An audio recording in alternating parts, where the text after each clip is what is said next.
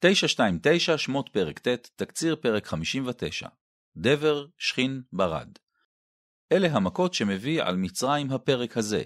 האם הלקח נלמד? האם משהו מתקדם? מיד נבדוק. דבר, פסוקים א' עד ט'. מגפה בכל הצאן והבקר של המצרים. למרות טבעה הטבעי המדבק של המכה הזאת, המכה מבדילה. וימות כל מקנה מצרים, וממקנה בני ישראל לא מת אחד. פסוק ו'. גם לפרעה היה קשה להאמין שזה קורה, והוא אפילו שלח לבדוק, פסוק ז', ובכל זאת, ויכבד לב פרעה, ולא שילח את העם, פסוק ז'. שכין, פסוקים ח' עד י"א, מחלת עור קשה באדם ובבהמה. ולא יכלו החרטומים לעמוד לפני משה מפני השכין, פסוק י"א. גם הפעם פרעה לא נשבר, פסוק י"ב. ברד, פסוקים י"ג עד ל"ה. המכה השביעית וגם הכי מרשימה בפרק, שימו לב למספר הפסוקים שמתארים אותה. ויהי ברד ואש מתלקחת בתוך הברד, כבד מאוד אשר לא היה חמור בכל ארץ מצרים מאז הייתה לגוי, פסוק כ"ד. במכה הזאת אנחנו פוגשים לראשונה את הרוב הדומם במצרים. המצרים, תמימים או לא, שהפעם ניתנת להם בחירה להיפגע או להינצל. הירא את דבר אדוני מעבדי פרעה, הניס את עבדיו ואת מקנהו אל הבתים. ואשר לא שם ליבו אל דבר אדוני, ויעזוב את עבדיו ואת מקנהו בשדה. פסוקים כ' עד כ"א. האם המכה מביאה לשינוי המיוחל?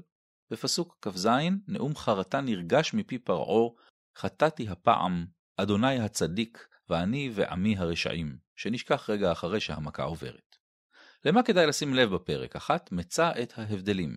שבע מכות כבר מאחורינו, והמעמיקים יכולים לחפש את ההבדלים, מי עושה כל מכה ואיך, מתי יש אזהרה לפני המכה ומתי אין, מה עושה פרעה או לא עושה, כדי לסיים את המכה.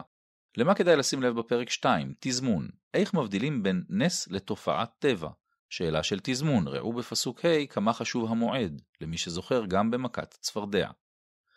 למה כדאי לשים לב בפרק 3? הפליה. גם ההפליה היא חלק מהפלא, הפגיעה במצרים תוך שמירה על שלומם של שכניהם בני ישראל מלמדת שיש יד מכוונת ולאיזה כיוון בדיוק היא מכוונת. למה כדאי לשים לב בפרק 4? משה חושד. בסוף מכת ברד, פרעה בהצהרת אמונה אדוני הצדיק, אבל משה לא קונה. ואתה ועבדיך ידעתי כי טרם תראון מפני אדוני אלוהים, פסוק ל'. ולמה כדאי לשים לב בפרק 5? רגע של טבע. תוך כדי הדרמה הפלאית, עדות שנשמעת קצת כמו שיר, על טבעם של הגידולים החקלאיים השונים, טבע שקבע את אופי פגיעת המכה. והפשתה והשעורה נוקתה, כי השעורה אביב והפשתה גבעול, והחיטה והכוסמת לא נוקו, כי אפילות הנה. פסוקים ל"א עד ל"ב. את התקציר כתבה מרים בלומנטל.